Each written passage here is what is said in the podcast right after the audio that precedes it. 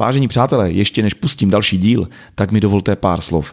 Já bych vás chtěl srdečně, pokud teda posloucháte při premiéře tohoto dílu, chtěl bych vás srdečně přivítat v novém roce, chci vám popřát zdraví, jen to nejlepší, ať se vám splní vše, co si přejete, vše, na co cílíte a hlavně, ať jste se svými blízkými, ať jste spokojení. Zároveň bych vám chtěl od srdce poděkovat za veškerou zpětnou vazbu a pár dotazů, které už přišly.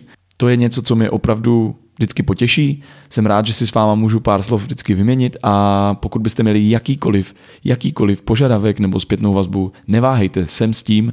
To je něco, co ten podcast živí, ta lidská energie, zpětná vazba. Takže moc krát děkuju a pokud byste sdíleli mezi své známé nebo přátele, budu o to šťastnější. A ještě poslední drobnost. Někteří z vás jste mi zmiňovali, že by se vám hodili nějaké odkazy na jednotlivé knihy a témata, které zmiňujeme. Rozhodně každý ten díl to má, stačí jenom rozbalit tu nabídku, ať už podcastové aplikaci nebo webovým rozhraní, kdekoliv, kde posloucháte. A teď už bez dalšího zdržování pojďme k dalšímu dílu.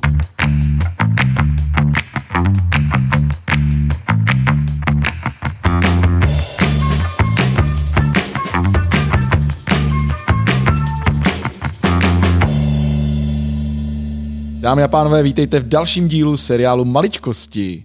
Já jsem Marcel a se mnou tady mám dnes dva zácné lidi, kterých si ohromně vážím a jedním z nich je náš nositel myšlenek tohoto seriálu Jirka Halda. Ahoj. A mým spolutazatelem a moderátorem kolega Honza Krofta. Zdravím vás kluci a všechny posluchače. Ahoj.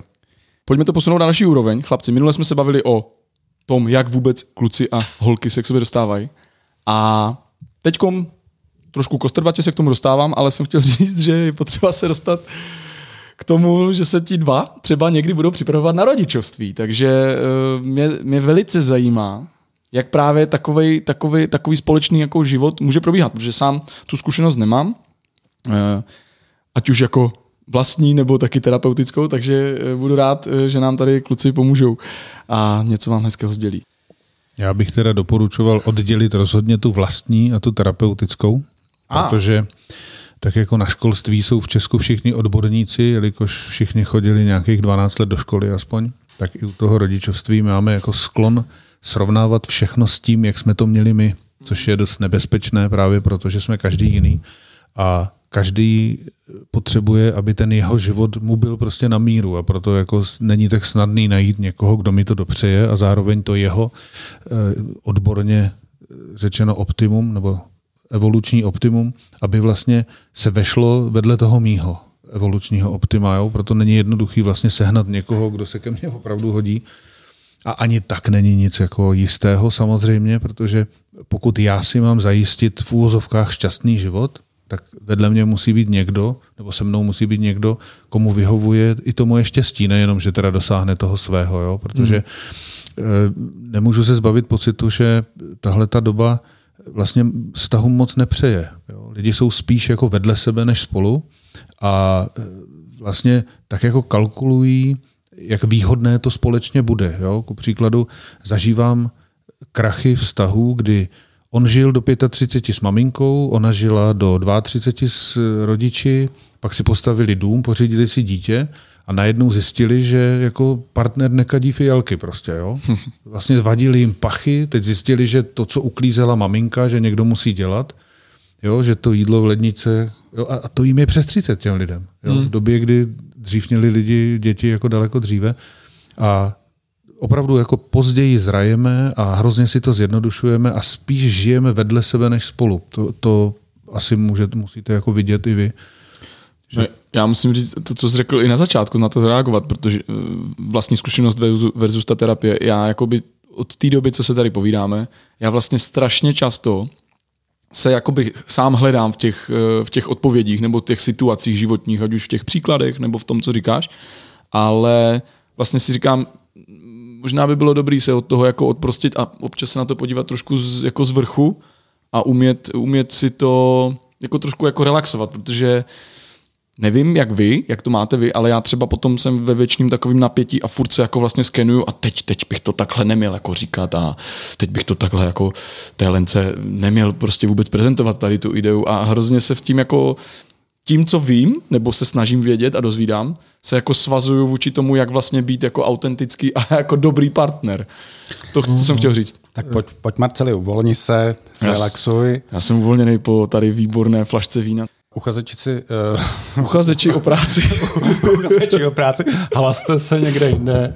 Chtěl jsem říct, že naši posluchači si jako zaslouží vědět, jakou tady máme atmosféru. Mm-hmm. Bude uvolněná, zrelaxovaná a je to o tom, uh, my jsme si tady povídali o Jirkově poradenských terapeutických zkušenostech a můžeme si představit nějakou modelovou situaci, že máme uh, pár, který žije spolu a ne vedle sebe a chystá se na mateřství, uh, respektive uh, pár se chystá založit rodinu. Co vy na to, chlapi? No, ono to založení rodiny je komplikovaná věc, protože někdy vznikne nádherná rodina díky tomu, v čem jsme vyrostli zcela spontánně, že prostě to miminko vznikne tím, že ty lidi si jenom nedali pozor, někdy vznikne náhodou. Jo? A, a to, jak to miminko vzniká, je, je vlastně je to taky důležité, ale to, jak se má potom, když se v mamince vyvíjí, jak probíhá porod, je naprosto klíčové a podceněné. Mm-hmm. A mhm. samozřejmě ty první měsíce a první roky života, tak ovlivňují kvalitu života úplně nejvíc. Já bych se vrátil jenom k jedné věci, když Marcel říkal, jako kde, jo, kde je ta vyváženost mezi spontaneitou a tím, jako se uhlídat, to je vlastně jako ta nejtěžší věc pro život. Jo? Nestratit spontaneitu, protože spontaneita je podstatou radosti ze života, mm-hmm. ale taky jako to, že já mám nějakou potřebu, eh, jako nemůžu vyprsknout jako způsobem, který ten druhý jako neunese třeba. Jo? Takže eh, doporučuji všem pánům ku příkladu, aby si své ženy hýčkali. Jo? Rozmazlovat ženu je podle mě jako správně, ale rozmazlitý je naopak úplně špatně. Mm-hmm. Takže chlap nemá, když prostě po něm něco žena chce, tak není nutné, aby nadšeně vyskočil a tvářil se, že to je lepší než jeho zábava. On to může udělat i trochu otráveně, jo? ale ta, ta, to, že to udělá, eh, je důležitější jako než to, že to jako xkrát okomentuje. Jo? Takže nevadí, když to chlap udělá třeba i neúplně ochotně, ale když to udělá, protože podstatnější je ne, jaký jsme, když je život jako růžový a paráda, ale jak se chováme, když se nikdo nedívá a jak se, jak, co uděláme, když se nám nechce. Mm-hmm. To si vzpomínám. To je dobrá pravda. Výborná, řekněme, mikrokomedie. Myslím si, že Cesta do Rogican, kdy si jako tam exceloval menších, právě to bylo o tom. Jestli ty okna budeme jako mít rádi nebo neradi, a čím víc jako uděláme mamince radost, respektive jako projevíme ten respekt k těm jim jako přáním a potřebám. Ano, ano. Jinak k tomu, jak ty miminka vznikají, to asi by bylo tak na... Fyzicky to asi tušíme všichni, že? No ale já jsem Třeba trochu někteří, opatrný na to, čemu se říká plánování, jako plánování rodičovství, protože mm-hmm. je dobře cítit se na rodinu připraven, a cítit se na rodinu připraveni. Třeba e, připomíná to situaci, kdy dáma 33 let už se cítila jako opravdu jako připravená na, na děti, ale partnera měla o 10 let mladšího a to byl kluk prostě. Jo, který řešil, že ona chce, aby jako vymaloval dětský pokojíček, že ho chtěli mít hotový dřív, než se to hmm. počne do konce. A on strašně toužil po nějakých adidaskách speciálních, jako, a ona mu je nechtěla pořídit. A fakt to vypadalo, jak kdyby si on jako našel maminku svou novou jo, a ona se k němu chovala jak k dítěti. Takže... Jak vypadala ta práce s tím párem, Mirko? No, to, to bylo hrozná práce teda, no. Ona teda, ono to dopadlo jinak nakonec v skutečnosti. Paní si to dítě pořídila přes jeho jako nechuť, protože mm-hmm. ho bavilo ty děti dělat, to jako jo, ale ten důsledek, ten ho nenatchnul a když mu oznámila, že je těhotná, tak utek před zodpovědností a a dokonce utek do cizí země. Nedozrál. Nedozrál, posílají teda, protože tam vydělává peníze, tak posílají na toho chlapečka peníze, ale mm. vlastně ho neviděl ještě, a tomu kluku jsou skoro tři. A, ale ona se netváří nešťastně, ona si tak jako zanadává mm. jo, a, a jako bere zas na druhou stranu, že se zachovala aspoň materiálně zodpovědně ten kluk. Mm. Ale to je tak, když si žena pořídí dítě s dítětem. Obecně nejtěžší pro děti je, když si je pořídí děti. Mm. Mě jenom k tomu napadlo, když to, když to právě říkáš, a trošičku možná to vrátím na té časové ose zpátky, ale Jakou právě roli hraje, když právě mluví, mě to napadlo, když jsi říkal o plánovaném a neplánovaném nějakým rodičovství. A jakou roli jako z pohledu, řekněme, emočně, sociálního v tom hraje třeba svatba?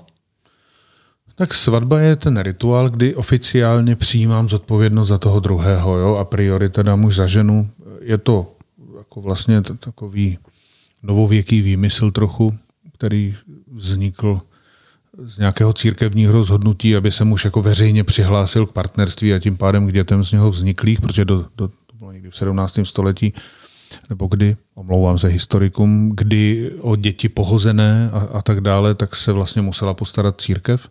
Mm. Zatímco svatbou vlastně se zoficializovalo v uvozovkách to, že jako ty jsi moje žena, takže ať jsou ty děti kohokoliv, já se o ně musím postarat. Mm. A k tomu plánování, ještě než se dostaneme ke svatbě, protože dneska, jak známo, se lidi moc neberou a hodně se rozvádějí, pokud se berou, tak eh, já nejsem jako proti plánování v tom slova smyslu, že si ujasním s partnerkou, jestli jsme na, ty, na tu rodinu už připraveni. Jako jo, to je důležitá věc. Mám na mysli, že do plánování lidi zcela automaticky zahrnují, že si naplánují, koho si jako v úvozovkách spíchnou. Jako jo. Hmm. Že bude to chlapec, blondáček, modrooký, jo, a kromě toho, že bude vrcholově hrát hokej, tak bude mít ještě jako duši Alberta Schweitzera a vystuduje medicínu. Hmm Jo, že Koncepce prostě, dítěte. Tak, to bude genius po mně. Hm? Jo, a Strategický plán. Tohle plánování jako rodičovství to nikdy nevíde. Z toho hmm. jsou prostě vždycky jenom rozpaky. Takže problém zároveň je ale, že když se někdo rozhodne, že chce děti, tak se cítí, že je na to připravený. Prostě. Hmm. Jo? To je těžké. Tak mm. jako se nikdy necítíme dospělejší než v 16 letech, tak jakmile se rozhodneme rozmnožit, tak máme pocit, že na to máme patent. Jo? Takže svatba v tom hraje tu roli toho oficiálního jako vlastně rituálu svým způsobem, že e, teda na, veřej, na, na vědomost ostatním dáváme, že teda jsme partneři, že na, jak si přijme teda jméno většinou toho partnera a, a už jsme manželé, a já nevím, jak se k tomu stavět, já jsem v tomhle třeba trochu konzervativnější, ale e, stejně to partnerství a rodičovství jako má ještě jako trochu jiné zákonitosti, než to, že mají stejný jméno a nosej prstýnek, protože na svatbě je komplikované to, že jako krásně se to plánuje, obřad e, pak trvá půl hodiny, všichni se opijou a hodně se to slaví a, a rekord mají klienti, kteří teda ke mně přišli, když se rozváděli už jedenáctý rok. Samozřejmě soudili se o prachy mm-hmm. a táhlo se to tak dlouho, až jejich syn dospěl a vlastně najednou přestal být problém mm-hmm. jako on. Jo, a nevím, jak to dopadlo, protože se teda na mě moc hněvali, když jsem jim vysvětlil, že tahat se o peníze je, je nízké v tomhle směru. Protože je to zvláštní, jak, jak lidi přehodnotí vztah k štědrosti a k potřebám toho druhého, když zjistí, že už ho nebudou mít pro sebe. Mm-hmm. Takže svatba je v něčem, je to jako fajn, rozhodně bych to nerušil, ale respektuju naprosto lidi, kteří se rozhodnou nevzít, protože to vůbec neříká, že budou špatní rodiče. Jo? Spíš naopak, moje zkušenost je taková, že velmi často za tatínka opravdovýho považují děti až novýho partnera matky. Jo? A problém akorát je, jako jak přát štěstí tomu druhému, když už to není se mnou. Mhm. Zejména když jako mně se nedaří a, a mu, mu to funguje, jo? to je prostě složité, ale ta svatba v tom hraje roli většinou už potom takové institucionální komplikace. No?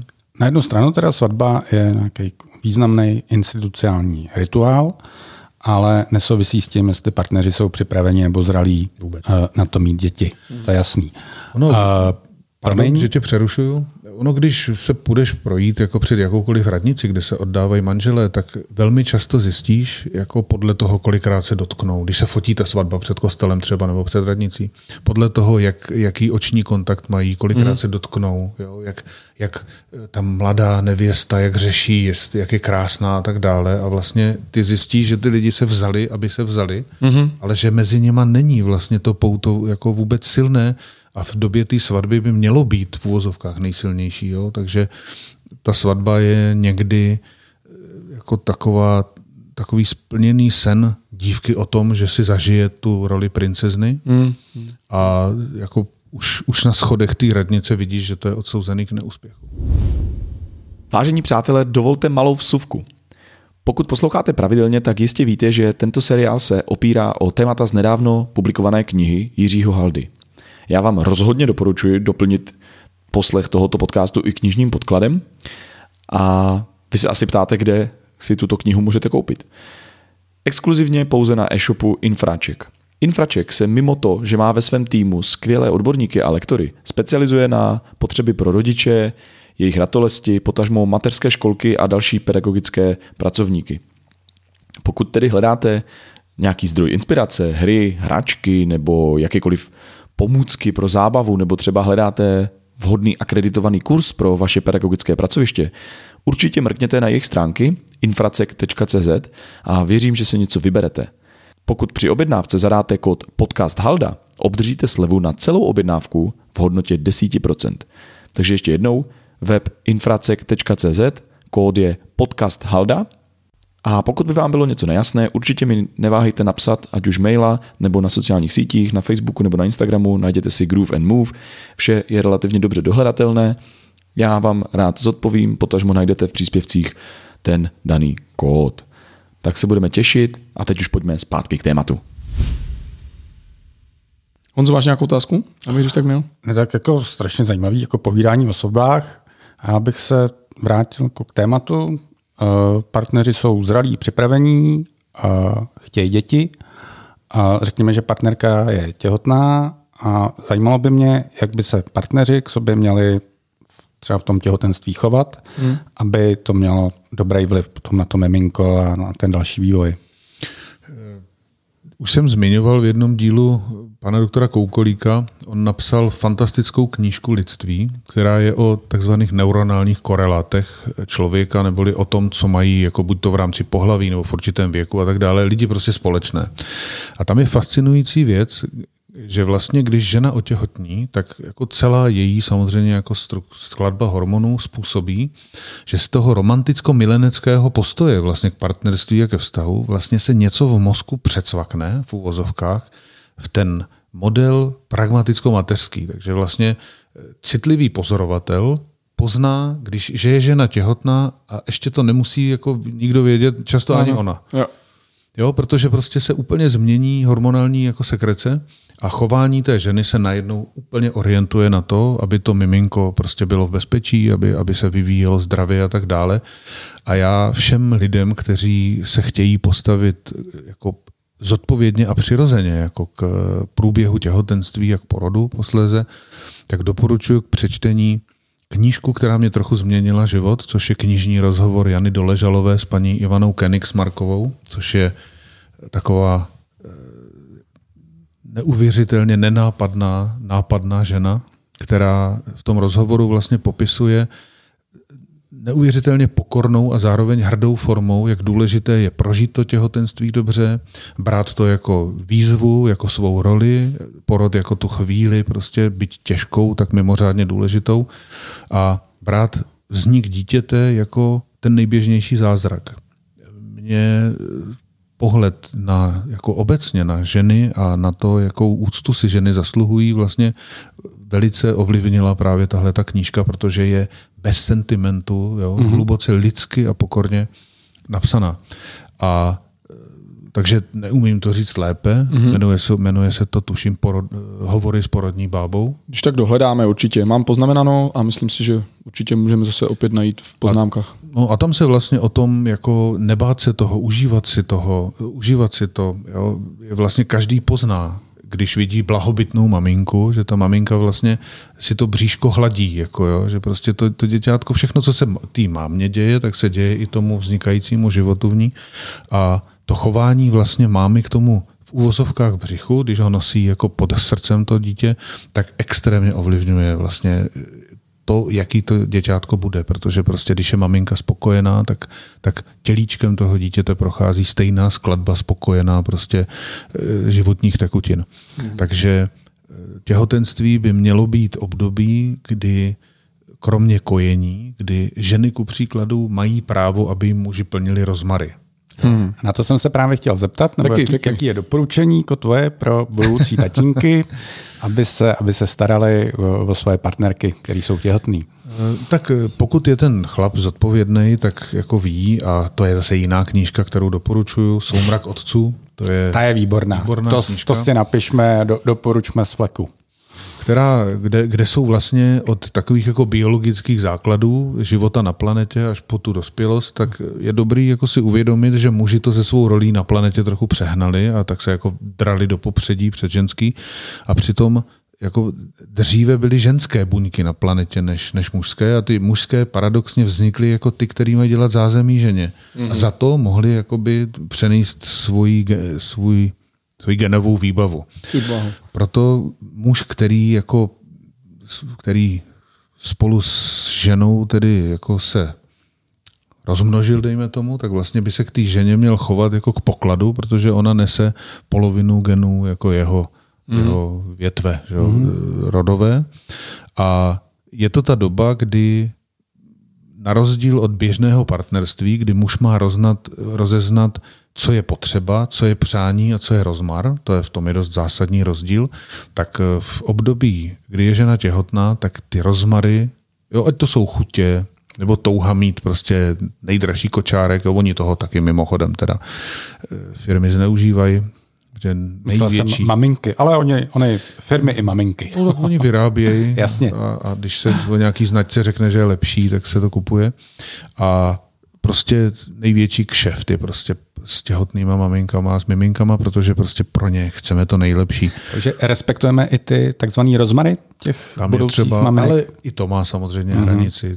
Nikdo nemůže nikomu snést. Jo, pánové, poslouchej, i to má hranici. To je důležité vědět. Jo, ale když žena jako na druhou stranu cítí, že musí ty rozmary plní, tak většinou je za to odměněn jako uh-huh. v partnerství, když děti odrostou a zase víc záleží na tom, jak se máme jako chlap a ženská, protože jednu věc jsme nezmínili u, to, u té somatické přitažlivosti, je lidé podceňují, že tělo má svou vlastní paměť a to nezapomíná. To stohuje všechny prožitky, všechny, to, jak jsme se k tomu tělu chovali a stohuje si to a nikdy nevíme, kdy to na nás vytáhne. Zatímco ta paměť rozumová, kterou jsme tak přecenili jako druh, tak ta, ta umí lhát, umí si nalhávat. Jo. To já když někdy slyším jako od, od partnerů, jak probíhalo jejich partnerství, tak máte pocit, že žili s někým jiným úplně, jo? protože ten druhý vždycky vykládá tu situaci prostě po svém. Mm-hmm. Takže je to hrozně důležité dát na tělo a nepodceňovat, že tělo má svou vlastní paměť. Z hlediska jako duševního vývoje a z hlediska toho mentálního děje se něco s tím plodem, co je v tom bříšku Samozřejmě, maminky? taky výborný dotaz.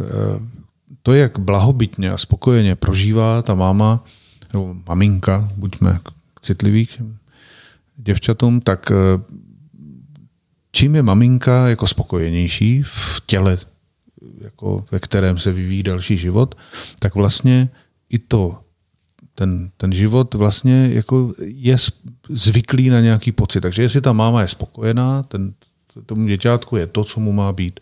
Čím je máma ve větším stresu, tak vlastně jako tělem toho miminka prochází samozřejmě i ty stresové, ten kortizol a tyhle ty látky a vlastně posouvá tomu miminku ještě nenarozenému hranici toho, co bude v životě považovat za stres. Takže vystresovaná máma, mm-hmm. třeba nemusí to být jenom, že je to žena prostě nestabilní nebo má zlýho manžela, ale zažil jsem těžkou věc, kdy ke mně přišla paní těhotná a umřelý otec. Jo? Velmi jako silný vztah měli, zemřel tragicky ještě ke všemu a ona teď řešila, byla myslím v sedmém měsíci a ona řešila, jak ten smutek a ten žal, jak vlastně jako může poškodit toho budoucího potomka.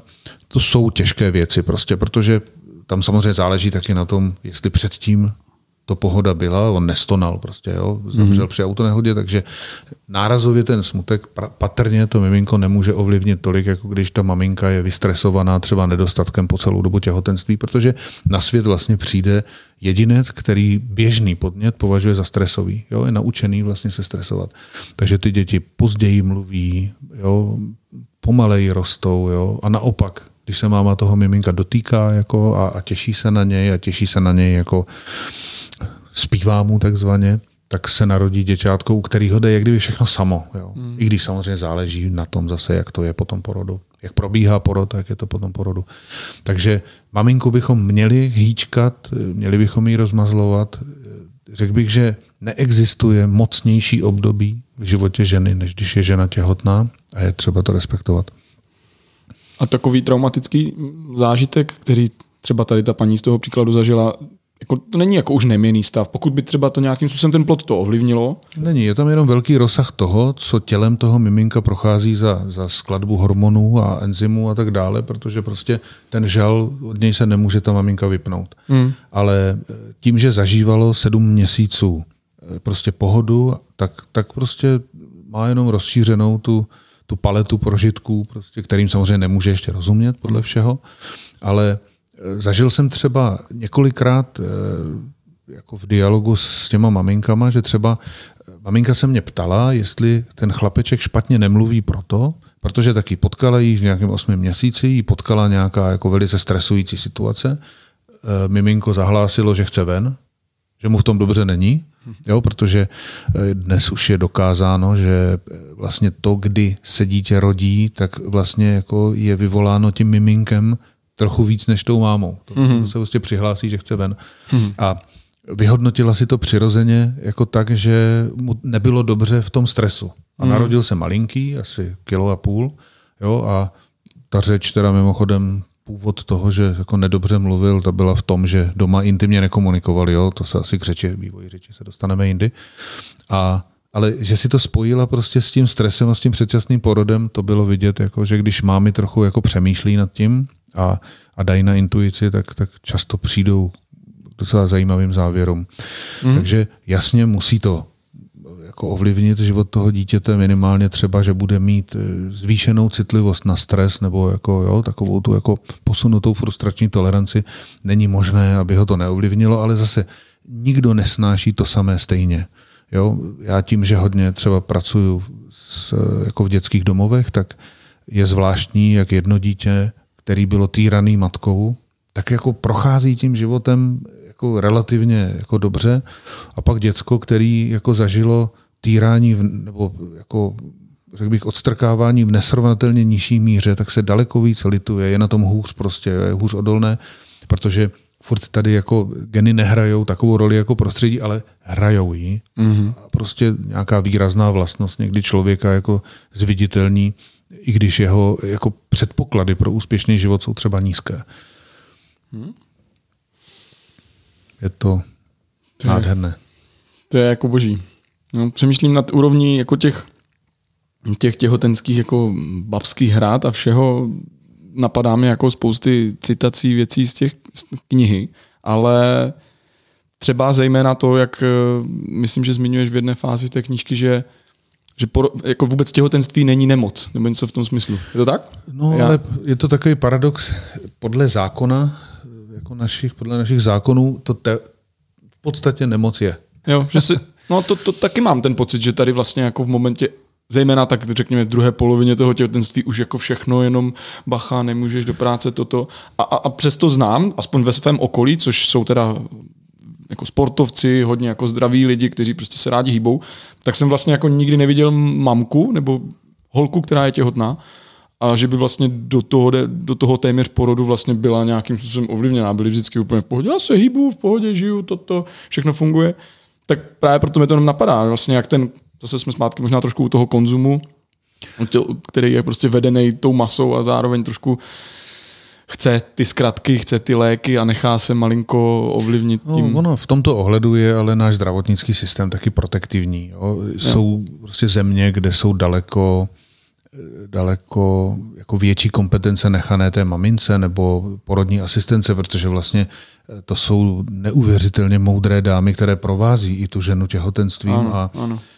Ono to je tak, že čím se mají lidi lépe, tak tím ztrácejí kontakt s přirozeností. Jo? Prostě když budeš mít sedm zimních bunt, tak vlastně jako se neotužíš, i kdyby ses na hlavu postavil, pokud to nebudeš řízeně dělat, jo? protože prostě se zabalíš vždycky do teplejšího.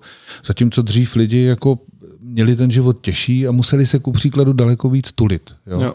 Já trochu předběhnu teďka, ale málo kdo si uvědomuje, jak drasticky ovlivnil život na planetě fakt, že vznikla móda dětského jako pokojíčku pro miminko. Mm. Mm. My jsme prostě statisíce let se vyvíjí jako lidi, vyvíjeli jako lidi, kteří se tulí, spí pod tou jednou medvědí kůží, protože prostě teplo nebylo tak dostupné jako dneska. Jo? A jak moc nám chybí kontakt, jak moc nám chybí tulení. No a globalizace si to vyřešila po svém prostě. Kompenzujeme si nedostatek blízkosti věcmi, oblečením, jídlem, jo? prostě kompenzujeme si to něčím jiným. Hmm. Takže lidi si vymysleli na sebe tolik pekelných vynálezů, jako díky kterým ztrácí života schopnost a tohle je jedna z nich. Jo? Vlastně ta vazba, ta chuť s tím miminkem být, jako jo, to, to nevím, to nemůže dopadnout dobře, jo? ale to je taky důvod, proč jsem optimistický skeptik. Tak uh, ještě, že to není tak, že ženy nechtějí být netěhotné, respektive, že si chtějí jako donosit to dítě jako pod svým vlastním srdcem. To jako No, Třeba bude taky jinak. Eh, známe hodně takových jako žen, maminek, to je pravda, ale jinak, když si spočítáš, že za 100 let se snížil počet porodů na jednu ženu o 8 za 100 let. Hmm. Jo, dneska je průměrný počet dětí na rodinu 1,42, myslím, a před 100 lety to bylo 8, 9 nebo kolik. Jo? Tak, Zajímavý číslo. Takže jako myslím si, že lidi jako pořád je tlačí ty biologické hodiny, ta potřeba se rozmnožit, ale, mm-hmm. ale tím se taky z pedagogiky mimochodem stala věda, protože prostě dokud vychovávali ve velkých skupinách dětí ty děti, ostatní děti, tak to bylo jiné, než když vlastně najednou ten rodič je na to sám a často má jedno dítě mm-hmm. a jako být jedináček je mimořádně handicapující jako pro život. Jo? Takže je fajn, že ty děti jako chtějí, ale profesor Matějček kdysi řekl krásnou větu, že pro dítě není větší zločin, než když nemá sourozence. Mm-hmm. Jo, takže chuť mít děti se snižuje, ale pozor, já to jako nevidím jako něco špatného. Jestli se jako žena necítí na to, že děti chce, mm-hmm. tak je jako ohavný, když ji někdo jako soudí za to, jo, protože prostě, aby si pořídila dítě jenom proto, aby na ní nekoukal někdo na křivo, a pak jí netěšil ten kontakt s tím miminkem, jo? nebo, nebo jako necítila se dost jistá. Nezapomeňte, děti potřebují sebe jistou maminku. Když maminka pochybuje, tak děti pochybují a děti nechtějí pochybovat. Jo? Maminka si takzvaně vždycky musí vědět rady. Tak eh, tohle jsou věci, které prostě nesmíme na druhou stranu házet do jednoho pytle. Jo? Prostě když někdo děti nechce, tak ať je nemá, když je chce, tak ať je má, ale ono tomu, jak se pomáhá, když je někdo chce a nejde to, tak to je možná ještě, ještě v něčem nebezpečnější než, než to ostatní. Jo? Jasně. To je možná a... jako přesně chvilka, kdy jsem si říkal, tohle je samostatný téma za mě. A vím, že jsme se už o něm několikrát bavili, nějaký jako nucený, právě to, to nucený těhotenství nebo nějakým způsobem vyžádaný. Ale v téhle fázi, pánové, já bych to možná utnul, ať nejsme zbytečně dlouzí, pokud vy ještě k tomu nemáte něco na, na závěr. Já mám, já mám spoustu otázek, ale spíš jako na ty další vývojové fáze, na, na, na porod a tak dál. A ještě mě jako možná, eh, jestli máme chvilku, napadla jako jedna otázka, jak jsem mluvil o tom jako stresu a o té pohodě. A jaký třeba má jako vliv pro, pro děti, ale i pro, pro maminku, jestli je těhotná poprvé, po druhé, po třetí? No to má extrémní význam samozřejmě, to máš a jak, dotaz. Jak, jak se to propisuje na ty děti? Mm-hmm. Tak na prvním dítěti se všechno rodiče učej. Jo? Mm. Ty pocity jsou nové, zejména jako ty maminky třeba, které nebyly dostatečně zase informovaný svýma maminkama, když byly holčičky, protože vlastně eh, musíme brát, že spuštěním cyklu se žena stává biologicky plnohodnotnou ženou, jo? což jako má i jako spoustu jako spoustu dalších kroků třeba na topografii mozku, jo, kde jak se mění některé funkce mozku prostě v něco jiného. Takže strašně na tom, jak maminka odnosí první dítě, visí to, eh, jak prožila tu ranou prepubertu, ten věk mezi tím šestým a jedenáctým rokem. Uh-huh. To mhm. za prvé. Uh-huh. Za druhé, jistá nejistota, protože každé děťátko je jiné. Jo? Jedno, s jedním prožije jako divoký těhotenství, to děťátko se hodně hýbe třeba, jo, e, a ta nejistota samozřejmě zase sytí to dítě látkami, který mu není dobře, takže ta interakce mezi tou mámou a dítětem je prostě třeba divoká. A pak je to úplně pohodový těhotenství, rychlý, jako téměř bezbolestný porod. Takže v tom je obrovský rozdíl, ale nemá to vlastně, to je tak individuální jako hmm. otisk prstu, jo? to nemá žádnou normu. Některá máma odnosí první dítě a myslí si, že už to chápe a druhý těhotenství je prostě komplikovaný nebo je v něm vystresovaná, jo? protože tam hrajou velkou okolnost, velký význam. Vem si, že eh, lidi čekají dítě a manžela povýšej a odvelej ho do většího města vzdáleného prostě a ten plán, jak, jak to spolu prožijeme, budu u porodu, ten je najednou strašně limitovaný kariérou toho chlapa. Mm-hmm. Jo? Mm-hmm. Prostě má to strašně proměný, takže má to velkou, velkou roli. Ono totiž jako ještě musíme brát, že je extrémně důležité, jaký je věkový rozdíl mezi těmi dětmi.